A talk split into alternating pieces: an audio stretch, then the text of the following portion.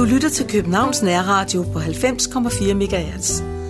Vi sender nu et program i serien Guds ord er levende. I studiet er Christian Bandak.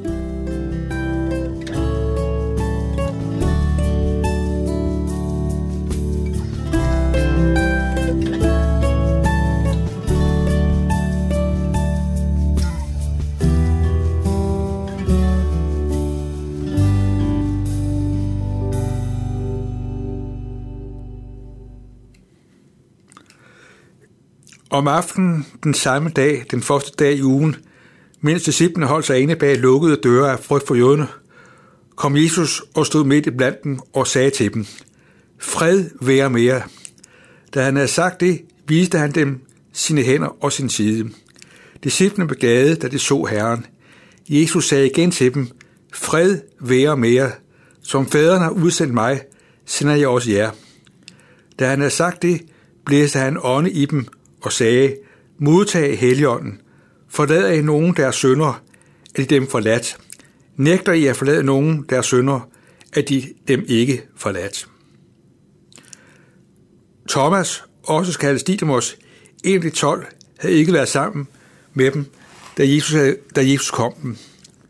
De andre disciple sagde til ham, vi har set Herren, men Thomas sagde til dem, hvis jeg ikke ser navlemærkerne i hans hænder og stikker, stikker, mm, mm, stikker mm, mine, mine fingre i navlemærkene, øh, vil jeg ikke tro. Otte dage senere efter kom hans disciple, var hans disciple af der sammen, og Thomas var sammen med dem. Der kom Jesus, mens dørene var lukket, og stod midt i blandt dem og sagde til dem, Fred være med jer. Derpå sagde han til Thomas, Ræk din finger frem. Her er mine hænder, og ræk din hånd frem og stik den ind i min side. Vær ikke vantro, men troende. Thomas svarede, min herre og min Gud. Jesus sagde til ham, du tror, fordi du har set mig. Salige er de, som ikke tror, og dog tror. Disciplene var fuldstændig rystede og fortvivlet. De kunne ikke længere se nogen fremgang, fremtid. De mente, at deres situation kunne ende med døden. Ligesom Jesus var blevet slået i ihjel, frygtede de, at det samme kunne blive dem til del. Der står, at de holdt sig inde bag lukkede, at lukkede, lukkede døre af frygt for jøderne. De mente, at deres situation var uoverskuelig. En af den situation, hvor de var fuldstændig fortvivlede og fyldt af mismod, der agerer Jesus. Han kommer hen til disciplene og siger til dem, fred være med jer. Jesus mødte ikke disciplene med kritik eller bebrejdelse. Jesus tiltagde dem sin fred og sin nåde. Og da Jesus viste dem sine hænder og sin side, der står der, at der blev disciplene glade. Der forstod de virkeligheden, at Jesus virkelig var den opstandende herre og frelser. Jesus er virkelig den, der har brudt dødens magt. Han er virkelig opstået. Det, som vi mennesker ikke kan forstå, og vi mennesker ikke kan tro, det har Gud gjort til muligt, har Gud gjort til virkelighed, ved at lade Jesus opstå af graven. Jesus indånder sin nåde og sin velsignelse ind i disciplen. Og så hører vi, at så blev disciplene glade.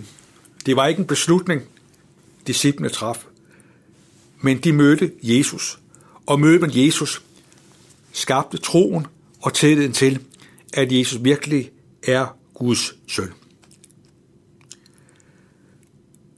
Thomas, han havde ikke været sammen med disciplen. Da han hører, at de har set Jesus, afviser han kategorisk øh, dette udsagn. Det kan han ikke bruge til noget. Thomas er ikke i stand til at overtage øh, disciplenes erfaring og disciplenes tro. Han er meget nøgtern, meget realistisk. Han vil se navlemærkerne og stikke sin hånd ind i siden for at være sikker på, at han ikke bliver øh, snydt eller bedraget. Og så er det, at Jesus møder Thomas. Thomas bliver ikke kritiseret, men Jesus siger, øh, stik dine hænder frem og ræk din hånd ind i siden og vække vantro med troende. Vi ved ikke, hvad hvad Thomas gjorde. Om Thomas han øh, stak hænderne frem, men vi ved og erfarer, at dette møde betød, at Jesus virkelig åbenbarede, at han virkelig er opstået for Thomas. Og det fortæller altså noget om, at Jesus virkelig magter at kan rumme os, som kender til tvivl og vantro og skepsis. Jesus er den, der møder os. Han ved, at troen altid er en gave, han skaber. At meget kan vi beslutte, meget kan vi tage os sammen til, men ingen af os er i stand til at, at beslutte og være i stand til at tro.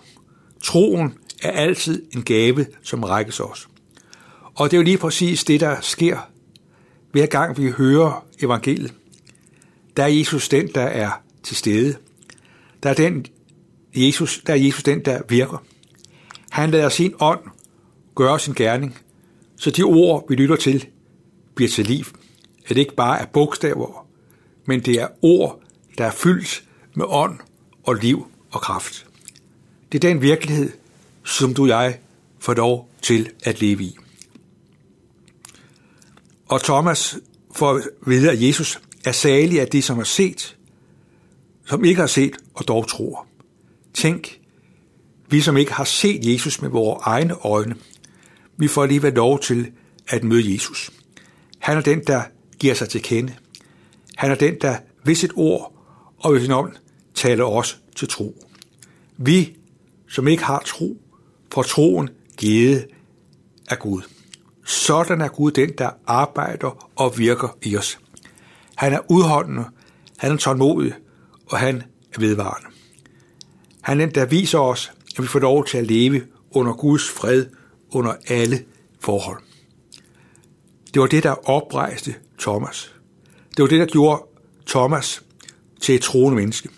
Han blev ført fra tvivl til tro, ved at Jesus mødte ham. Og det er jo også grunden til, at du og jeg tror, at Jesus har, har talt os til tro, ved at vi hører, hvad Jesus siger, og lade det få lov til at gøre sin gerning ind i vores liv og vores tilværelse. Der bliver troen en forunderlig gave. Vi får lov til at leve i den virkelighed, at Jesus skaber og giver troen. Han er ikke den, der bliver rystet og forarvet over, at vi kan komme i tvivl, men er den, der udholdende fastholder og vedgår, at det, og vedstår, at det, han siger, virkelig er vores virkelighed. Jesus ved, at han er den, der må tage initiativet. Han kommer til os. I overført forstand, så kan dørene også være lukket for os. Vi kan komme ind i en situation, hvor vi oplever troen øh, som fremmed og uvedkommende og ikke eksisterende. Men det er Jesus den samme. Han er den, der møder os for at tale os ind i troens liv. Han er den, der ved, at han til stadighed må tale og tro. Det afgørende er, at Jesus vil have det sidste og evige ord. Han er den, der taler, og ved sin ånd skaber troen som vores, liv, som vores virkelighed og rigdom. Sådan får vi lov til at blive stanset af Jesus. Vi går til gudstjeneste og møder, og vi gør det for til stadighed at blive talt til tro. For at Jesus til stadighed må få lov til at gøre sin gerning i vores liv, så alt det, han siger, bliver vores liv og vores virkelighed. At høre, hvad Jesus har at sige, det er den måde og den vej, Gud bruger, for at troen også må blive din og min virkelighed. Han er den, der gør sin gerning. Jesus, som har begyndt sin gerning, han vil også fuldende den og fuldføre den, indtil han kommer igen. Hvor er det godt at vide, at det er Jesus, der tager initiativet. At det han begynder, det han tager initiativ til, det går han til virkelighed i dit og mit liv. Det kan godt være, at vi synes, at vores muligheder er begrænset, at vi ofte bliver indhentet af tvivl og fejl og svigt. Men Jesus er den, der vil fuldføre den gerning, han har begyndt i os.